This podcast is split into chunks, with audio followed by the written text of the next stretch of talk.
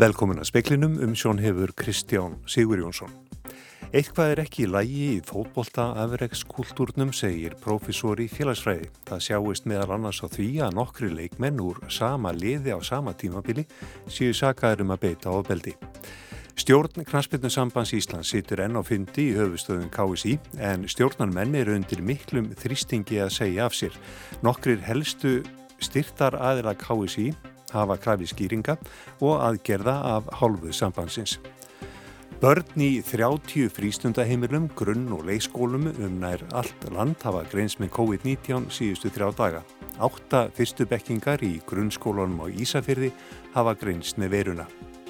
Sósélagsta flokkurinn fær rúmlega 8% fylgi í nýjum þjóðarpúlsi Gallups og eigur fylgi sitt um rúm 3% stig frá síðustu konun. Fylgiflokka breytist að örleiti lítið á milli Kanada. Háværa rattir hafa verið um það víða í þjóðfélaginu sem og innan íþróttarhefingarinnar að frekari hreinsanir þurfi til innan KSI. Ekki sé nóg að Gunni Bergson hafi hætt sem formaður. ITF, hagsmunasamtök félaga í efstu deildum Íslands, sendu frá sér yfirlýsingu um hádegi í dag. Þar segir að nöðselegt sé að framkvæmdastjóri og stjórn KSI axli ábyrð.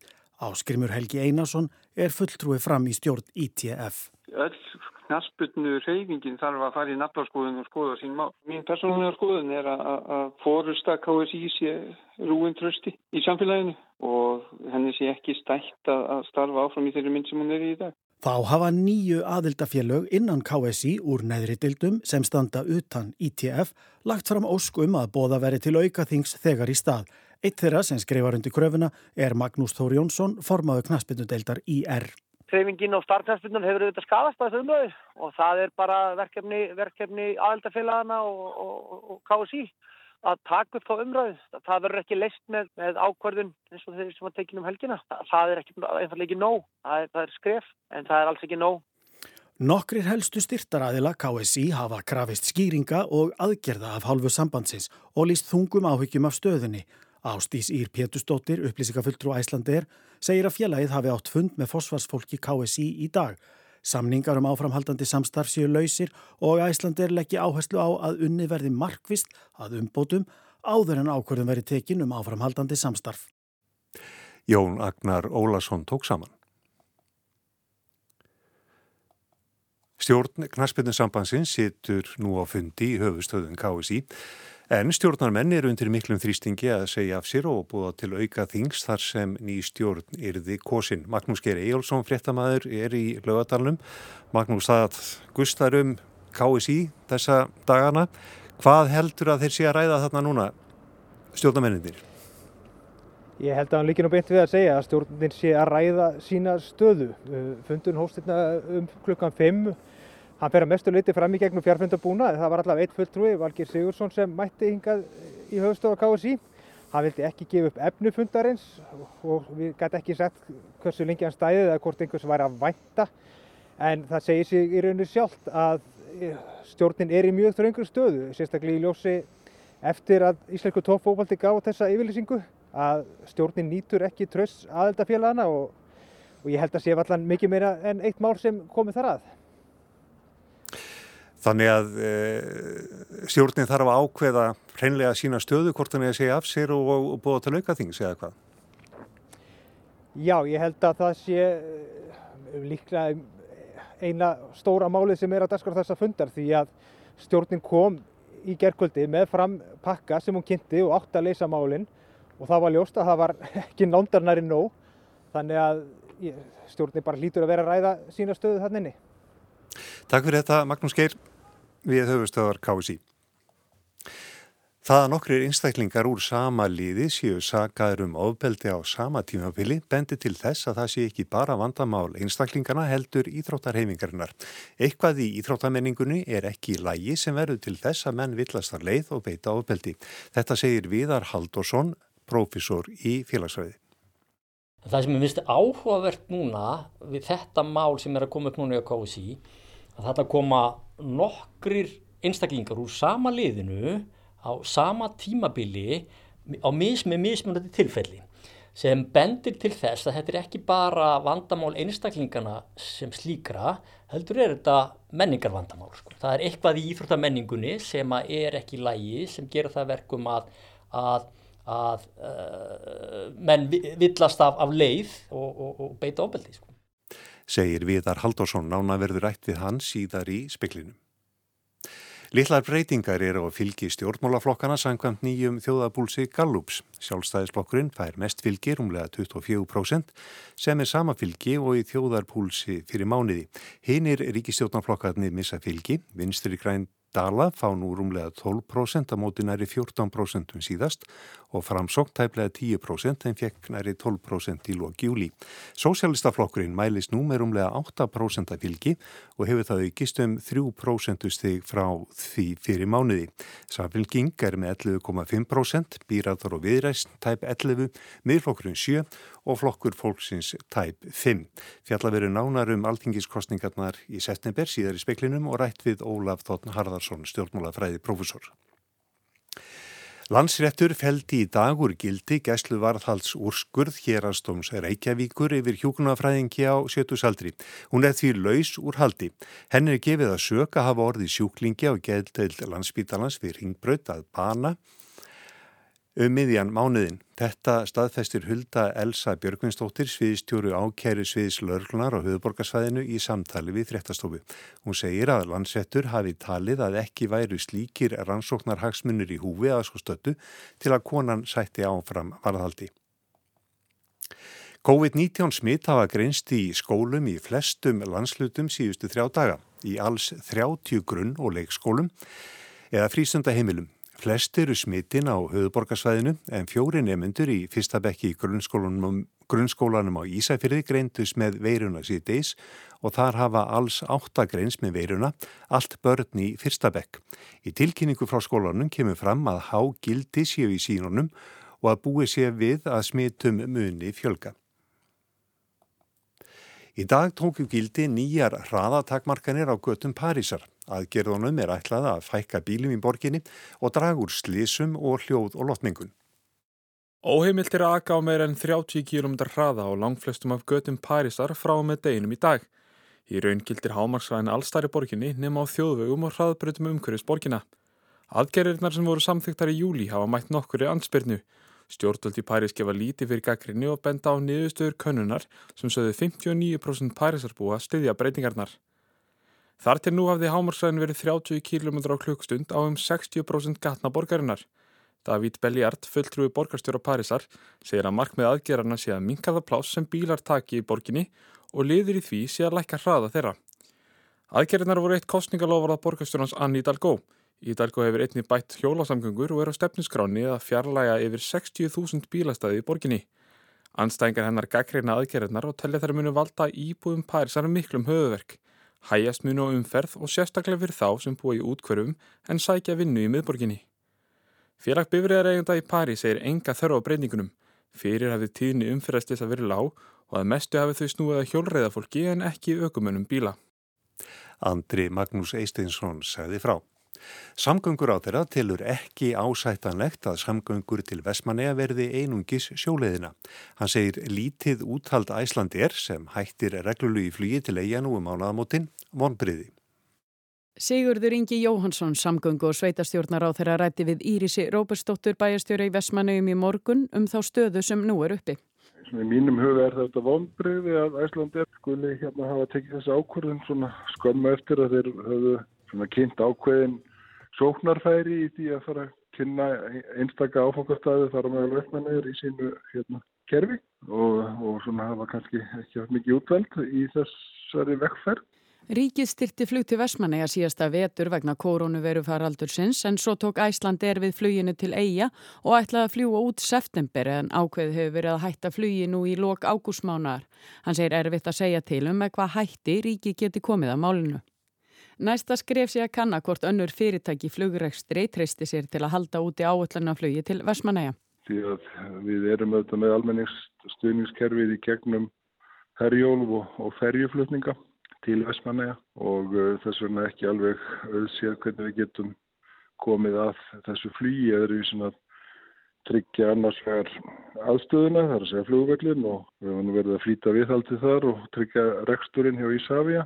Þannig að aðstæðan er fyrir hendi og það sama má segja um, um loftbrúna sem er það tækifæri fyrir fólk að geta nýtt sér afslott til þess að fljúa. Mér heyrist svona á þér að það sé kannski ekki ásættanlegt að það sé einungis uh, hægt að fara sjóleðina til eiga fyrir já, íbúa sem að mögulega þurfa að sækja meðlega þjónustu til Reykjavíkur. Já, það er mín afstæða, já, ég er sammála því. Það er ekki, mér finnst það ekki eh, ásættanleg, eh, ásættanlegar samgangur. Segir Sigurður Ingi Jóhansson, Hjörtís Rud Sigur Jónsdóttir saði frá.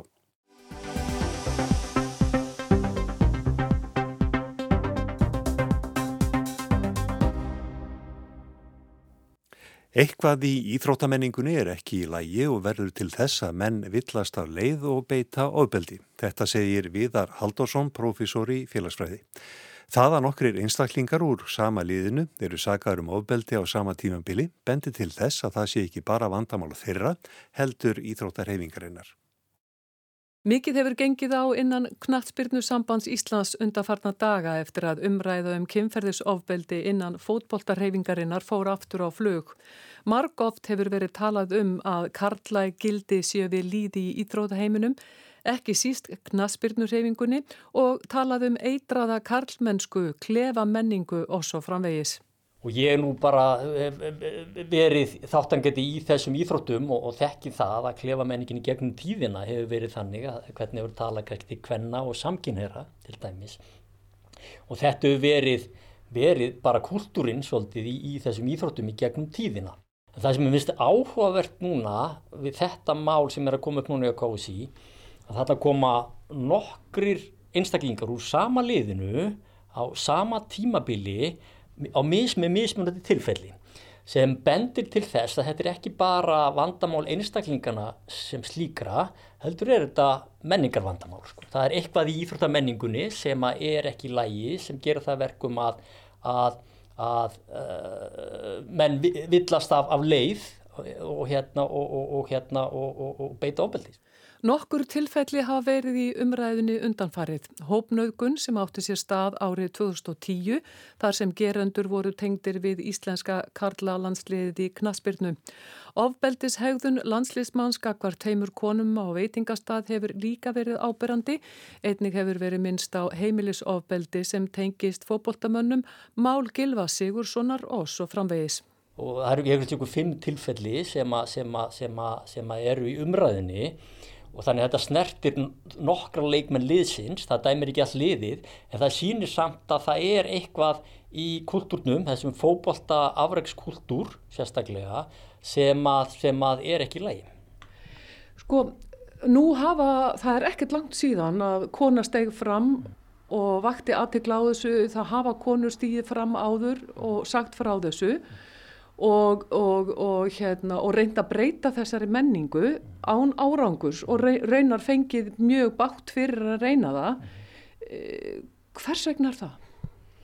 Eh, þetta er bara eingróð í, í, held ég, í held ég menninguna og eins og ykkur eru að benda núna, það eru mjög fáar konur í, í stjórn og allt það þó að það hefði svona breyst mikið á allra síðustu árum, við, erum nú konu sem frangvæntastjóra ISI, frangvæntastjóra UMFI, frangvæntastjóra KSI, en samt sem eru í stjórnum yfir höfu, þá eru minna um konur. Og það þarf kannski bara og MeToo-byltingin gerði það kannski að verkum að það kom svona almennari rödd og meiri þungi í umræðuna vegna þess að íþjóttarhefingin virtist ekkit endilega vita hvernig þetta taka á þessum málum eða, eða hvað þetta nú er En, en það virðist alltaf að vera að núna er þungin og MeToo-byltingin hefur gert það verkum að þá kemur svona þjóðfélagið allt með sem setur pressu á að það þurfa að gera breytingar. Óhægt er að segja að það hafi verið mikið áfall þegar einn skærasta stjarnar í íslenskum fótbolta, Gilvi Sigursson, var handtekinn í júli í Breitlandi fyrir meint kynferðisbrót gegn barni. Hann er ennþá til rannsóknar. Fótboltamenn eru miklar fyrirmyndir ungra barna og veltam á fyrir sér hvaða áhrif það hefur á unga drengi að svona menning hafi verið látin viðgangast lengi. Það er náttúrulega eitt með afriðsfólk í Íþróttum. Sko. Er, þeir, þetta fólk er í eðlisínu fyrirmyndir. Sumir ellendi fókbaltamenn segja ég er ekkert fyrirmynd, ég er bara fókbaltamaður sko, ég vil ekkert vera eitthvað fyrirmynd sko en eru, þeir eru fyrirmyndir þessi drengir og því fylgir ábyrð og hérna og allt það og það sem ég hef svolítið verið að hugsa um núna sko, við erum með þetta íþróttastarf á Íslandi sem hefur almennt sig gott og það sem við sem sögur í mörgum fyrir og allt það, þá erum við með þetta uppbyldiskildi svolítið og rannsóknir sína það er mjög stærn. En það sem hefur verið að gerast á undanförnum árum er að þessir ungu strákar okkar eru farinir að fara fyrr erlendis í atvinnumensku og eru að fara 15-16 ára gamlir út og fjarlægast þá þessi grungildi samfélagsins, fjarlægast sem sé eru ekki tengslu við fóröldar sína, af og ömmur, sískinni og, og, og vini, e, hætta í skóla og fara í stíga inn í hennan erlenda íþrótta afreikskultúr sem að mínumati er miklu meira skemmandi heldur en, heldur en kannski margir gerur sem grein fyrir vegna þess að við höfum á Íslandi haft þessi uppbyldiskildi að sem við höfum lagt upp þessa hluti en við sjáum núna að svona mikill fjöldi þeirra uh, ungu drengja sem eru efnilegir í fókbalta þeir fara mjög snemma erlendis í umhverju sem kennir bara eitthvað allt, allt annað. Það sem byggir meira á einhvers konar svona hörku sín ekki tilfinningar minni vináta, minni samúð og þeir smítast kannski einhver leiti af þeim gildum sem ríkja í þessum kúltúr sem byggir á allt öðrum elementum heldur en við leggjum upp almennt íþjóttistar á Íslandi. Ég get alveg sagt þetta að íþjóttistar á Íslandi þjálfar að leggja mikið upp úr því að við komum vel fram og við séum góðu hvort annað og félagslegu og, og það er kent í gegnum íþjóttirnar svolítið á Íslandi. En í afreiks atvinnu fókbaltaliðum sem eru bara fyrirtæki erlendis, það eru bara allt önnur gildi og allt það. Og þess vegna hef ég ágjör á því að núna erum við kannski að missa eitthvað af þessum krökkum okkar fyrr út úr þessu umhverju okkar sem áveru uppgilegt í umhverju sem getur verið kent hluti og staði fyrir eitthvað sem er kannski ekkert endilega gott í hennu stóra samingi. Sko. Þú ert að segja það að um, þessi ofbeldismenning, uh, hún eigi ekki rætur sínar hér í íslenskri íþróttamenningu, í íslensku íþróttauppeldi? Jújú, jú, ég er ekki að segja hún eigi ekki og ég er að segja það að það hefur ákveðin ríkjandi svona kartmennsku kultúr sem að hefur byggt að einhver leit upp á þessu. En ég held að þessar áherslur sem að þessi erlendu fyrirtæki sem hafa engin uppeldisli gildi í sínu starfi það sýnst ekkert um uppeldi, það sýnst ekkert að vera góður liðsmar, sýnst ekkert um vinskap eða samúl sem við erum þó að reyna að kenna hérna, það vegur svolítið þungt hjá þessum krökkum þegar þeir fara út sem þeir smittast og gerir kannski vandamáli starra og gerir svona, uh, svona setur ólíu á eitthvað svona grunn sem að gæti þá gert svona sem endur speiklas kannski þessu að þetta er ekki bara einhver einn í einhverju liði hér og þar sem að, sem að gerist fyrir miður, heldur er komin hérna hópur, hann að í sama liði sem að fellur allur inn í þetta minnstur að hafa kannski farið ungur út og verið mjög tengdur þessum afreiksheimi meira en kannski en aðrir sko. En það blasir alveg við að það er uh, kvennfyrirlitning innan íþróttarhefingarinnar og ég ætla að leiða mér að fullir það bara í ljósi þess að uh, Eh, hversu mikið meira er lagt upp úr eh, karla fótbóltanum heldur en hvenna fótbóltanum, hversu, hversu íþróttakonundar hafa eh, ofta reynd að vekja aðtikli á stöðu þeirra og svo leiðis, ég meina, vilt, sko myndir þú mótmæla mér þegar ég segja að sé hvern fyrirlitning innan reyfingarinnar? Nei, ég myndi ekki mótmæla og ég er að segja, en sko, þú veist, það hefur verið alltaf tíð, en ég held á síðustu árum eftir að MeToo kom 2017, þá hefur gríðarlega mikið breyst ég er þess að vinna fyrir knastmjöldvel breyðablíks og þar er bara, og leikmenn og alltaf tala um það það er bara fullkomi jafnrétti millir stúlna og, og, og pilda í öllu því starfi.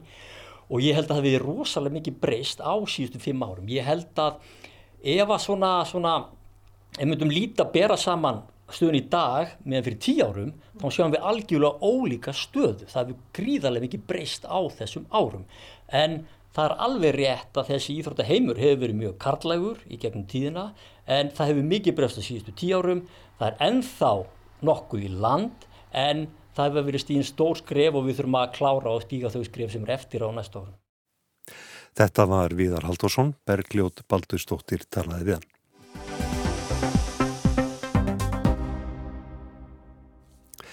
Tæpar fjórar vikur er nú þar til kjósendur ganga kjörborði og kjósa til alþingis. Flestir stjórnmálarflokkar hafa haldið flokksráðs eða landsfundi að undaförnu og kynnt stefnumál sín og kostningabaróttan er að fara á fullt. En svo framkom fyrir speiklinum þá sangvað nýjum þjóðapúlsi Gallups þá hafa litla breytingar orðið á fylgi stjórnmálarflokkana. Sjálfstæðisflokkurinn er ennstæstur með 24% fylgi og síðan koma nokkri flokkar með fylgi á bilinu 10 til 15% og síðan einni þrýr þar undir, undir 10%. Ólaður Tóttn Harðarsson, stjórnmálafræðiprófessor, hvað segir þessi þjóðarbúls okkur? Já, hann segir okkur fyrst og fremst kannski það að, að breytingarnar eru litlar. Í, þar sem að helst stingur í augun er að fylgi ríki stjórnarflokkana þryggja samanlagt Það er í þessari könnun réttum, rétt ríflega 46% en síðustu svona fjóra mánuði hefur það verið alveg í kringum 50% aðeins fyrir ofan, aðeins fyrir neðan. En mánuðina þar á undan hafði það verið í kringum 45 þannig að e, við höfum ekki ennþá fengið þingmannatölu e, úr þessari könnun vegna þess að í rauninni þarf e, þurfum við kjördæma úrslit til þess að geta reiknað e, þingmannatöluna því að við höfum séð í mörgum undarfærandi konunum að kostningakerfið er þannig að einhverji flokkar geta fengið augamann og við þurfum þess vegna að sjá hvernig kjördæma kostnum þingmennindir skiptast áður en við getum séð heldar töluna en mér sýnist fljótt og litið að þarna geti stjórnin verið annarkvort rétt fyrir rétt haldið meira hlutunum eða rétt tapaðunum og það er í rauninni það sem við höfum séð í, í mörgum, mörgum konunum. Mm. Uh, vinsælti ríkistjórnarinnar hafa líka þegar spurtir hvort menn séu stuðnís með stjórnarinnar að þá e, er, er tala núna e, rétt um 55% en hún hefur undanfarnar mánuði gætna verið í kringum 60%. Þannig að svona það er heldur í, fylg, í varandi fylgið er þetta heldur að halla eða sem sé er, er, er staða stjórnarinnar aðeins að vestna en hins vegar verið að hafa í huga að, að staða allra annara ríkistjórna eftir hrun hefur verið miklu miklu verri heldur en staða ríkistjórnarinnar og staða ríkistjórnar flokkana er núna. Þannig að ef þeir fengi úrslit í samræmi við þetta væri það miklu betri árangur heldur en nokkri stjórnarflokkar hafa, hafa náð í, í síðast áratögin. Sósjálfstaflokkurinn er komin upp í rúmlega 8% fylgi samkvæmt könnunni, var með 5%, rúmlega 5% fyrir mánuði. Hvað segir þetta okkur? Já, þetta segir okkur bara það að vegna þess að þetta staðfesti það sem að við höfum séð í öðrum könnunum sem hafa verið gerðar í mildtíðinni, þar sem sósjálistanir hafa verið að síga upp og þeir byrjuðu reyndar, þetta hefur verið nokkura mánuða prósessjón, þeir byrjuðu mjög lágt og hafa síðan síið hægt og rólega upp og þetta bendir bara til þess að þeir eigi umtalsverðan hljóngrunn e, líkurnar á því að þeir komist yfir 5% þröskuldin sem þarf til að fá jöfnunasæti að þær eru í augnablíkinu yfirgnefandi e, núna í þessari konunum fær líka miðflokkurinn 7% hann hafði við að mælast í sögum konunum millir 5 og 6 þannig að hann er líka dálítið vel yfir, yfir þröskuldinum. En flokkur fólksinn sem er þriðji flokkurinn sem að hugsanlega geta dansað í kringum þröskuldin að flokkur fólksins í þessari konun er með 4,9% sem að þýtti að hann fengi ekki jöfnamenn en það er náttúrulega langt innan skekkjumarka og hann hefur ímist verið fyrir ofan eða neðan í, í, í konunum, konunum undanfærið. Mm. Nú er kostningabaráttan eh, að byrja á fullu og það, þetta eru margir flokkar. Um hvað snýst kostningabaráttan núna? Snýst hann um, um stefnu ríkistjórnarnar versus stjórnarnarstaðan sem er nú á ansi breyðu sviði? Eða um hvað snýst kostninga? Hún snýst náttúrulega einhverju leiti og gerir alltaf um, um það hvernig menn telja ríkistjóðin hafi staðið sig. En síðan snýst hún líka um tiltekin stefnumál og það eru mörg mál sem að, sem að eru líklega til þess að veða kostningamál. Það eru margir sem að hafa haldið að, að uh, pláan eða viðbröðum pláinu öllu heldur yrði mikið kostingamál og ég sé núna að bara eh, um helgina þá voru, voru álíktanir bæði frá viðirist og sjálfstæðisfloknum þar sem að eh, lög var áhersla á að það ætti að, að, að, hérna, að e, slaka á í sóttvörnunum. Spurningin er hins vegar svo, er einhver flokkur ósamálu þessu? Því að ef allir eru sammála þá er nú ekki mikið um að rýfast. Þannig að ég er ekki vissum að sóttvörnuna verði e, eins mikið kostingamál og ímsir hafa haldið.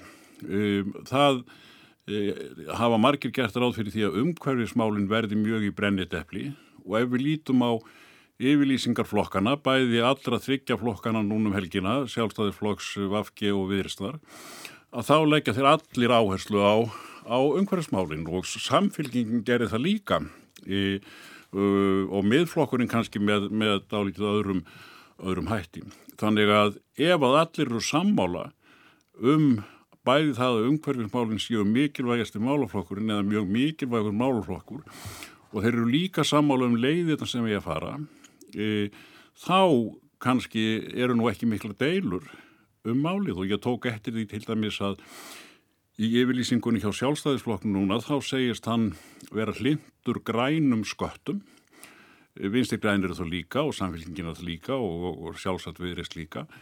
E, að vísu saði sjálfstæðisflokkurinn að að hann vildi ekki að grænir skattar eru varanlegir sem að þýtti að þegar við værum búin að leysa kólefnisvandan þá ætti að afnema þessa skatta en e, þetta fannst mér samt mjög, mjög aðlisvert. Mm.